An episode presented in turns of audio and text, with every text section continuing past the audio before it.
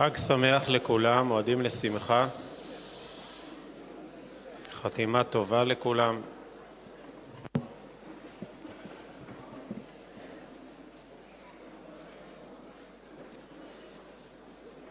בחודש תשרי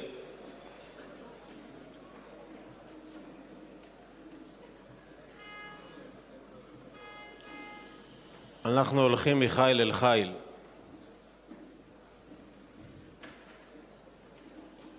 עוד אנחנו אה, ממליכים את הקדוש ברוך הוא בשופר, וכבר הנה יום הכיפורים מגיע, ועוד אנחנו אה, מבקשים סליחה מיום הכיפורים, מתמלאים בטהרה, והנה מחיל אל חיל בונים סוכה, קונים ארבעת המינים,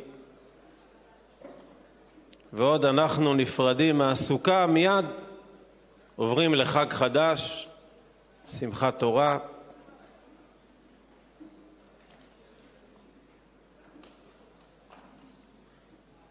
ובעוד אנחנו מסיימים בשעה טובה חמישה חומשי תורה, מיד פותחים מחיל אל חיל ומתחילים מבראשית. לא מחכים. מעלים חתן אה, תורה, מסיים את התורה, מיד מתחילים מבראשית. לא מחכים. הפוסקים כתבו שגם לא אומרים קדיש. בדרך כלל אנחנו, כשעוברים מספר לספר, אומרים קדיש. לא אומרים קדיש, לא אומרים חצי קדיש, שיהיה מיד רצף, שלא יגידו עלינו שאנחנו אה, לא מתחילים מבראשית.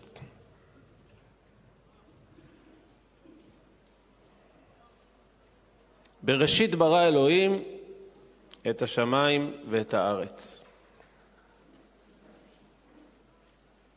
הפרק הזה, שנקרא בעזרת השם בשמחת תורה, הוא פרק עלום, סודי, שאנחנו לא מבינים בו כלום. מה זה, איך, איך אלוהים ברא, מה זה לברוא בכלל, מה זה יום אחד, יום שני, איך יש ימים לפני שיש שמש. אנחנו לא מכירים ימים בלי שמש. ומה זה שרקיע שמבדיל בין מים למים, אנחנו לא מבינים כלום.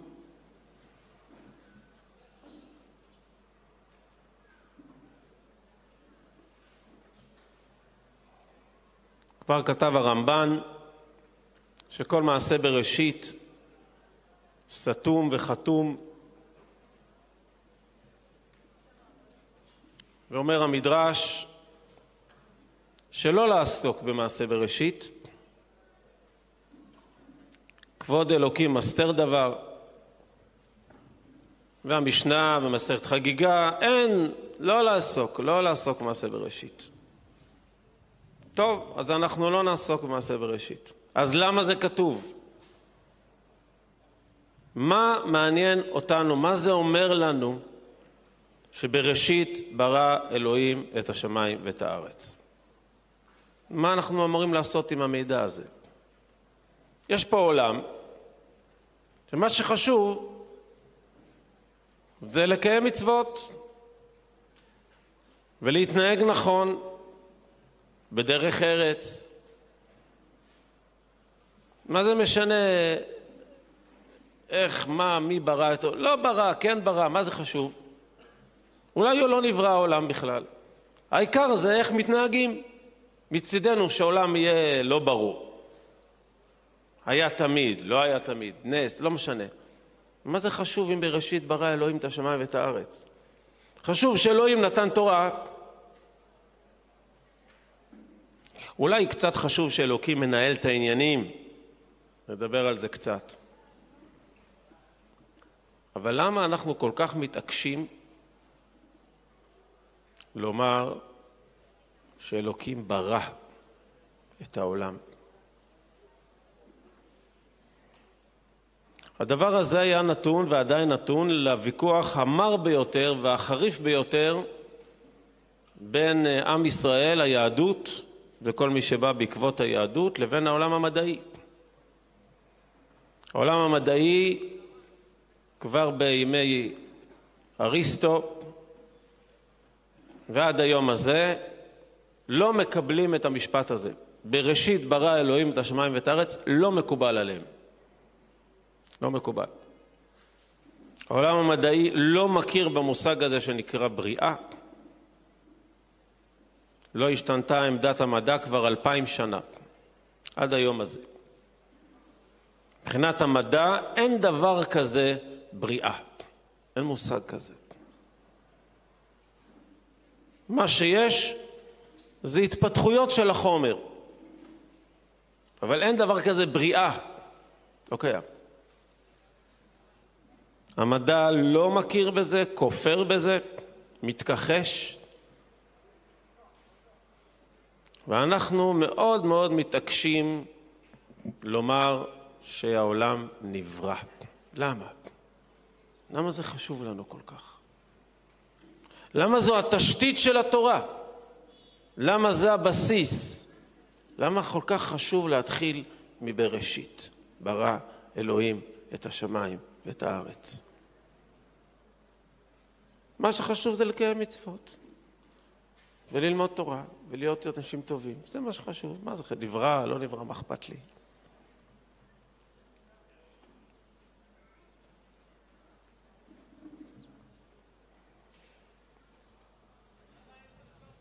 התורה כולה קוראת לנו לגבורה יוצאת דופן. כשחז"ל מתארים את מעמד הר סיני, מפי הגבורה שמענו. לקבל תורה זה מפי הגבורה. והשולחן ערוך ספר ההלכות שהתקבל בעם ישראל פותח במילה התגבר קרעי. לקיים תורה ומצוות זאת גבורה. למה זאת גבורה? כי המון המון מהתורה והמצוות זה ללכת בניגוד בהתגברות לנטייה הטבעית. הנטייה הטבעית של האדם זה כשהוא חוזר מהעבודה בערב, עייף ורצוץ מיום עמלו, זה לאכול משהו וללכת לישון. זו הנטייה הטבעית של האדם. והתורה אומרת לך קריאת שמע שעל המיטה. לך תתפלל ערבית. לך תלמד תורה והגית בו יומם ולילה. והנטייה הטבעית של האדם זה אם אפשר לקום קצת יותר מאוחר, אז נישן עוד שעה, למה לא? לא, תקום. יש זמן קריאת שמע, יש זמן תפילה, תפילין, ציצית. הנטייה הטבעית של האדם אחרי שהוא גומר לאכול טוב, זה או להירדם או ללכת, עצור, תברך. הנטייה הטבעית של אדם שהוא רואה אוכל טעים זה לאכול, לא, רגע, כמה שאלות כשרות, כשר, לא כשר, ברכות, וכן הלאה וכן הלאה. בכל הנושאים. מאיפה הכוח? מאיפה העוצמה להיות גיבורים.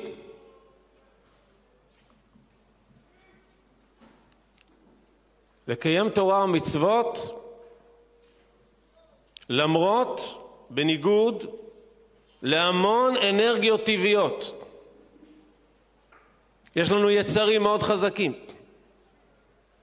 אנחנו נדרשים להתגבר על היצרים שלנו, לנהל אותם, להתנהג בצניעות, אנחנו נדרשים להתגבר על יצרים של קנאה, של כבוד, של ממון. מאיפה, מאיפה יש לנו את הכוח? איך, אנחנו, איך אתה מצפה מאיתנו להיות גיבורים כאלה? לקיים את כל התורה? ללכת נגד הטבע שלנו, נגד היצרים, נגד האינסטינקטים, נגד המידות, זה, זה קשה, זה, זה הטבע. אי אפשר לנצח את הטבע.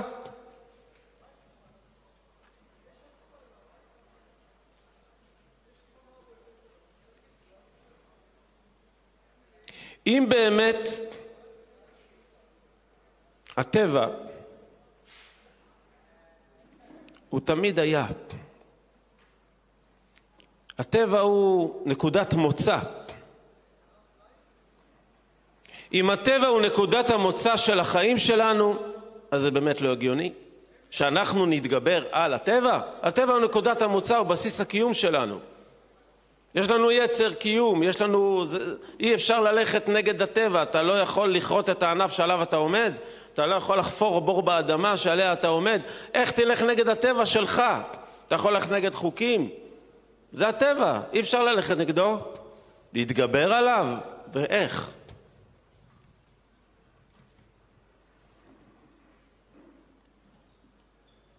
אבל אנחנו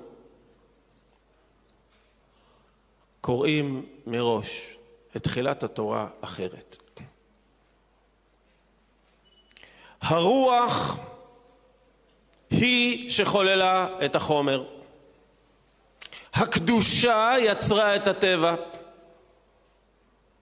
הרוחניות הטהורה היא שבראה את היצרים. אלוקים ברא. מי זה אלוקים? הוא רוחני, הוא טהור, הוא קדוש. הוא רק טוב.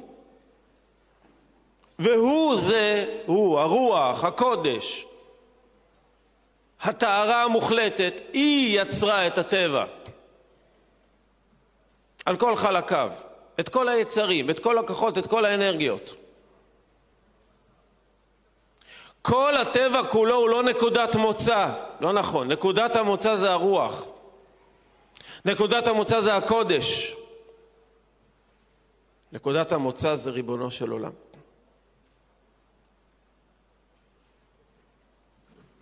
מאיפה הכוח שלך להתגבר על הטבע? כי הטבע הוא נוצר על ידי הרוח, ואכן הרוח יכולה לנהל אותו. היא יצרה את הטבע, בוודאי שהיא יכולה לארגן אותו, לנהל אותו, להתגבר. בוודאי, היא, היא השורש של הטבע. לא יכול להיות שהרוח לא תצליח לנהל את הטבע, כי היא חוללה את הטבע.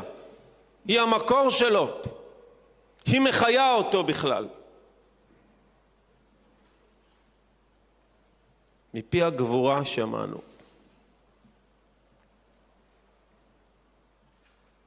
כל היכולת שלנו כל יום מחדש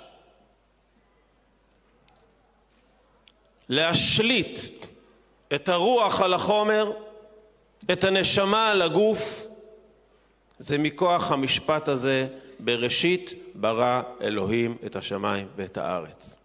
הנשמה חוללה את הגוף, הרוח יצרה את החומר. ולכן היא יכולה לשלוט אותו, ולנהל אותו, ולנווט אותו, ולהתגבר עליו. ההפך, אם חס ושלום החומר ידמיין שהוא יכול לנהל את הרוח, זה סופו.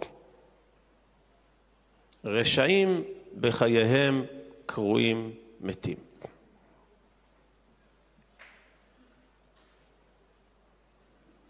הוויכוח שלנו עם העולם המדעי הוא לא ויכוח פילוסופי. זה לא ויכוח פילוסופי, וזה גם לא ויכוח בשביל להציל את כבודו של אלוקים. שהמדענים אומרים, תשמע, העולם לא נברא. תמיד היה פה חומר בכל מיני צורות. פעם היה גז, פעם היה חומר כזה, חומר אחר, והוא עבר כל מיני תהפוכות, פיצוצים וכל יודע מה. ואנחנו אומרים, תשמע, זה לא יפה, אלוקים עשה את זה, כל הזכויות שמורות לאלוקים, תן לו קרדיט. זה לא ויכוח פילוסופי ולא ויכוח על כבודו של אלוקים. אלוקים לא צריך את זה. הוויכוח שלנו עם העולם המדעי הוא ויכוח חמור מאוד. הוא לא עוסק באלוקים, והוא לא עוסק בפילוסופיה, הוא עוסק בשאלה הכי חשובה בחיים, המוסר. השליטה העצמית, הגבורה. אם אתה מאמין שהחומר הוא נקודת מוצא, מה שיש פה זה חומר. אין רוח שהתערבה ביצירה, אין רצון, אין, אין משהו ערכי. אז מי אני? אני אוסף חומר. כל, זה רק חומר פה. זה טבע. זה יצרים, זה דחפים, זה אנרגיות, זה כוחות, זה חוקים, וגם אנחנו כאלה, זה אנחנו תוצר של הטבע. אז אין לך ציפייה מהאדם, מה תצפה ממנו? למה? בטבע אין גבורה. ראית פעם צמח שמפסיק לצמוח כי הוא רוצה להתחשב בצמח השני? זה לא יפה שאני רק אני צומח, אני קצת לא אצמח. אין דבר כזה בטבע.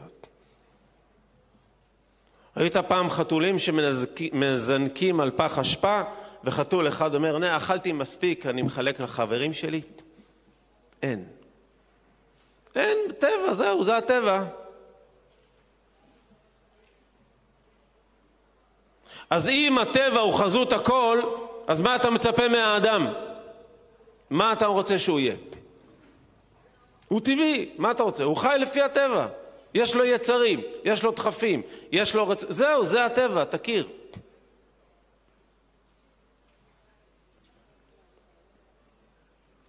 לקדש, להתרומם, להתגבר, מה, מה פתאום?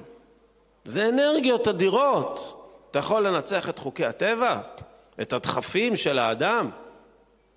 זה, זה, זהו, זה, זה, זה, זה אנרגיות, זה מולקולות, זה, זה אטומים, זה, זה, זהו, זה מה שיש פה. זה, אנחנו יצורים שרק חומר, רק חומר.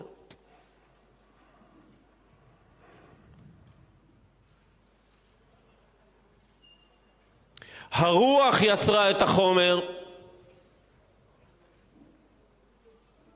וכיוון שהרוח היא שיצרה את החומר, לא רק שהיא יכולה לנהל את החומר, היא יכולה לרומם את החומר ולקדש אותו. כי היא יוזמה שלה, היא הרוח, הקודש יצר את החומר, הקדוש ברוך הוא אלוהים. וזה יכול לקדש אותו, לרומם אותו. את כל הכוחות שלך, את כל היצרים שלך. הכל אפשר להעלות, הכל אפשר לתקן, הכל אפשר לרומם, על הכל אפשר להתגבר, כי הנשמה קדמה לגוף.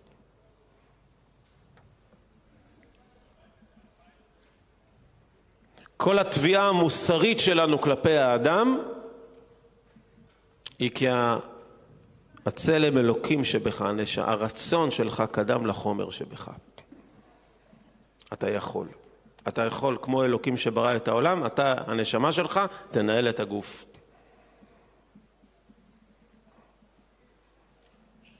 בכלל, בראשית ברא אלוהים, זה אומר שהעולם לא מונע מאינסטינקטים אלא מרצונות. העולם לא מונע מכוחות, מאנרגיות, מרצונות. אלוקים ברא, או רצה לברוא. הפנים של המציאות זה רצון.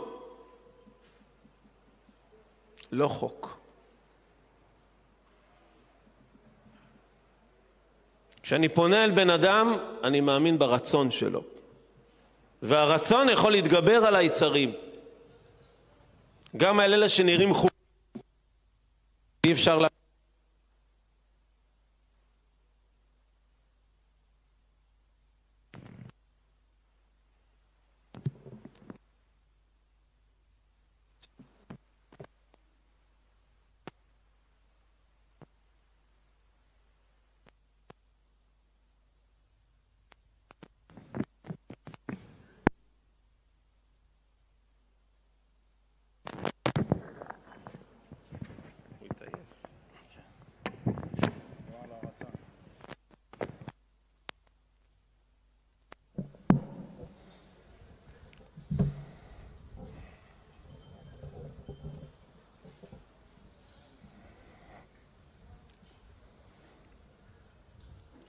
בראשית ברא אלוהים זה אומר שיש מה להתפלל בבוקר.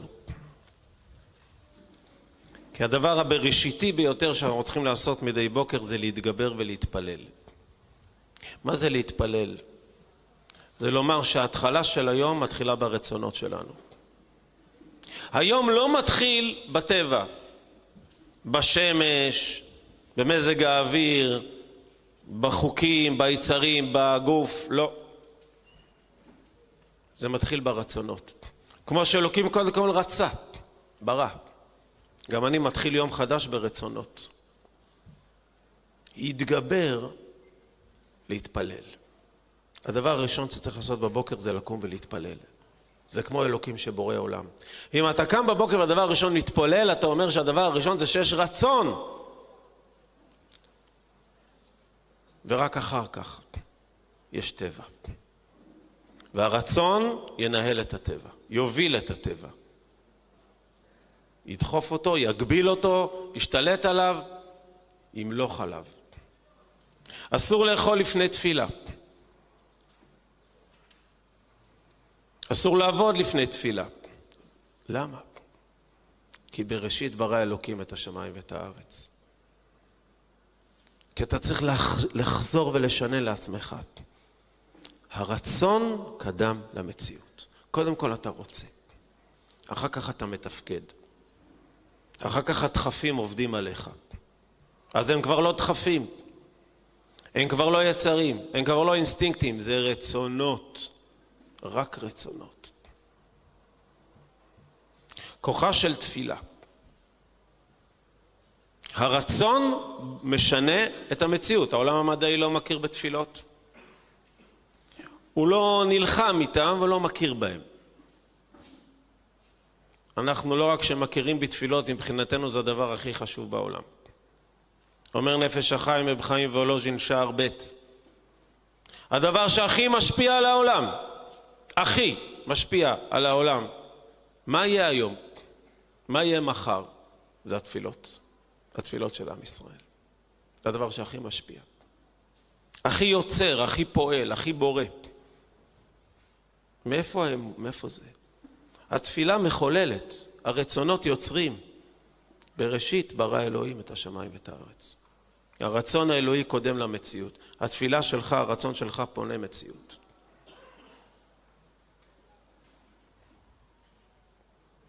עולם שאלוקים ברא אותו הוא עולם חשוב.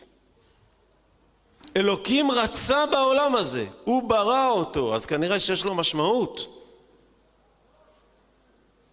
אם זה סתם חומר שנברא איכשהו, לא יודע, מפיצוצים והתנגשויות וכל מיני תהליכים, אז מה הערך שלו ומה המשמעות? שאף אחד לא רצה בעולם הזה בכלל.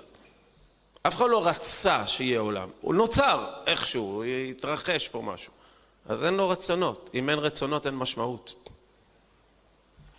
אנחנו מאמינים שיש רצון. ולעולם הזה יש משמעות. לכל כוח בחיים שלך יש משמעות. זה נותן את היכולת להתגבר. להיות גיבור, כי יש משמעות למציאות, לחיים שלנו. יש רצונות, השם רצה משהו בכוח הזה, בחיים, באנרגיות שבי, הוא רצה אותם. יש להם, יש להם איזה ייעוד, יש להם משמעות.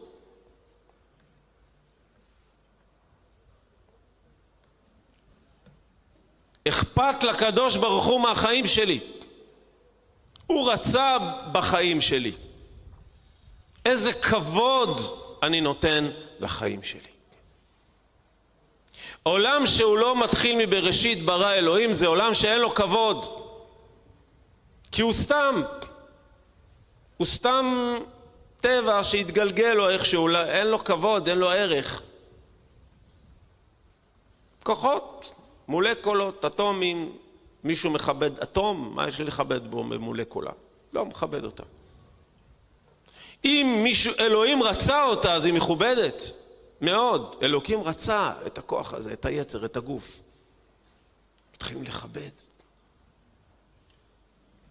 אדם צריך לכבד את הגוף שלו. לכבד את כוחות נפשו, את יצריו, את עולמו.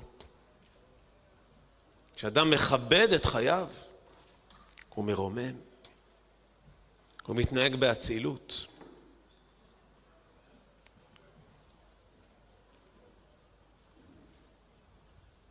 עולם מדעי שלא אומר בראשית ברא אלוהים את השמיים ואת הארץ, זה עולם שלא מכבד את הטבע. אנחנו מכבדים את הטבע, את כל הכוחות, את כל היצרים. והכבוד הזה נותן לנו המון רוממות, המון משמעות. לכבד.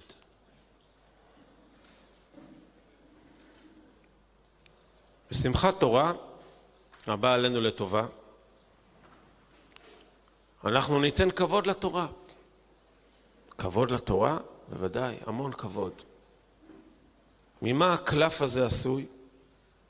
מאור של נבלה.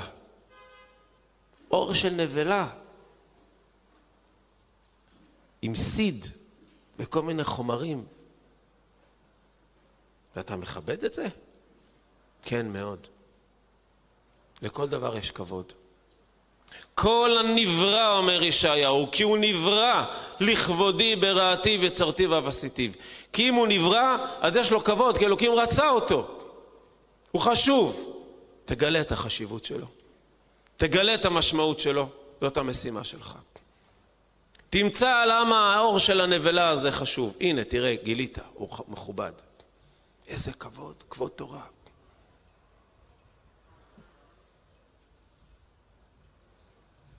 הכבוד שאנחנו נותנים למציאות זה הכבוד שאנחנו נותנים לעצמנו. מתחיל מבראשית ברא אלוקים את השמיים ואת הארץ. זה כולו אומר כבוד. השם ברא את העולם. הוא רוצה בו, הוא חשוב בעיניו, הוא משמעותי לו. אני לא יכול להתנהג בביזוי עצמי, ביצריות נמוכה, בגסות עצמית. אלוקים ברא אותי. אני חשוב בעיניו, אני משמעותי בעיניו, אני מלא כבר כבוד.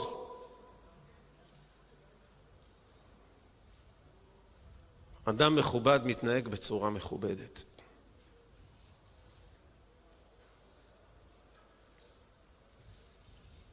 רק עכשיו באים אל המדע, וצריך לבוא אל המדע. אדרבה. אם מכבדים את העולם, אז הרבה מאוד באים אל המדע, באמת זה חשוב העולם, הוא מאוד חשוב, מאוד משמעותי, אני רוצה להכיר אותו, ללמוד אותו, את כל המדע. כי אלוקים עשה את זה, כי אלוקים יצר את זה, זה מאוד חשוב. אנחנו צריכים ללמוד את המדע, את כוחות חיינו, ומה הייעוד שלהם, ולמה הם, למה נשלחו לכאן.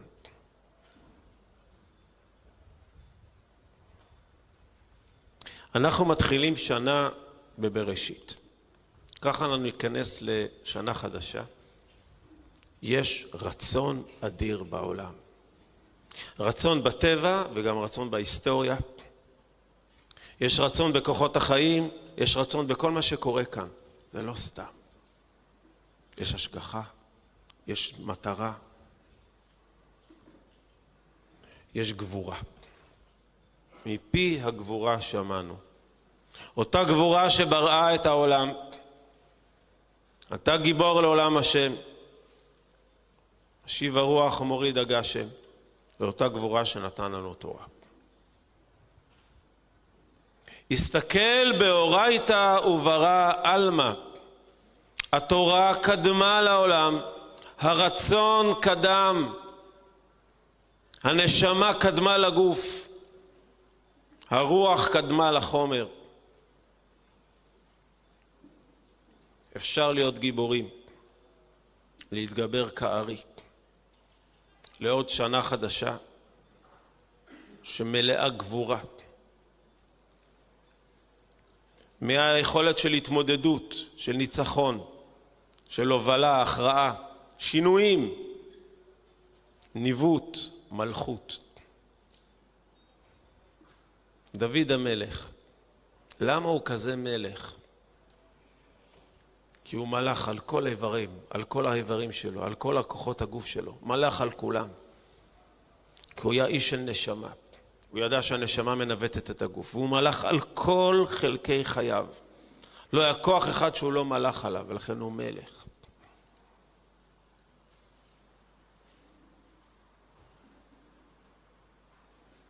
ואנחנו uh, מחר בבוקר ניקח בפעם האחרונה השנה את ההדסים שהם כנגד העיניים שלנו ואת הערבות שכנגד הפה שלנו והאתרוג כנגד הלב והלולב כנגד עמוד השדרה ונאמר זה לא סתם יצרים, זה לא גוף, יש לזה המון כבוד. שם השם נקרא עליהם, אנחנו גיבורים. ואנחנו לאורך ספר בראשית נקרא על גיבורים. על אברהם ושרה ויצחק ורבקה ויעקב ויוסף הצדיק נקרא על גיבורים אדירים, גיבורים אמיתיים, שהאמינו בבראשית ברא אלוהים את השמיים ואת הארץ. חודש תשרי חודש של גיבורים, של איתנים, של הולכים מחיל אל חיל, שלא אומרים אני לא יכול, אין לי כוח, זה נגד הטבע, אני לא מסוגל. מה זאת אומרת? בטח שאתה יכול לצום ביום כיפורים. בוודאי. בוודאי שאתה יכול לישון בסוכה. פשוט שאתה יכול לרקוד כל הלילה בשמחת השבה וללמוד לילה שלם בשושנה רבה, ואתה גיבור. בוודאי שתרקוד כל שמחת תורה, מה השאלה בכלל, וגם בהקפות שניות. בוודאי שאתה יכול להתפלל תפילות ארוכות ולקבל על עצמך, אתה יכול לעשות תשובה. אתה גיבור. למה? כי בראשית ברא אלוהים את השמיים ואת הארץ.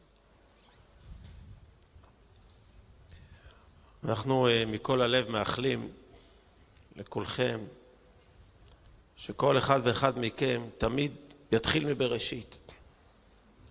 במלוא הגבורה, במלוא האמונה, בכוחות הנשמה שלכם, בצלם אלוהים שבכם, ברצונות האדירים שלכם. איזה רצונות אדירים שמחוללים מציאות יש לכם, שבורים עולם. בכוח הרצונות, בכוח השאיפות שלכם, אתם תהיו כאלוקים, יהיו ממש כאלוקים, בוראים, בוראים את האישיות שלכם, מנווטים את כוחות החיים, מלכים אמיתיים, משפיעים על העולם.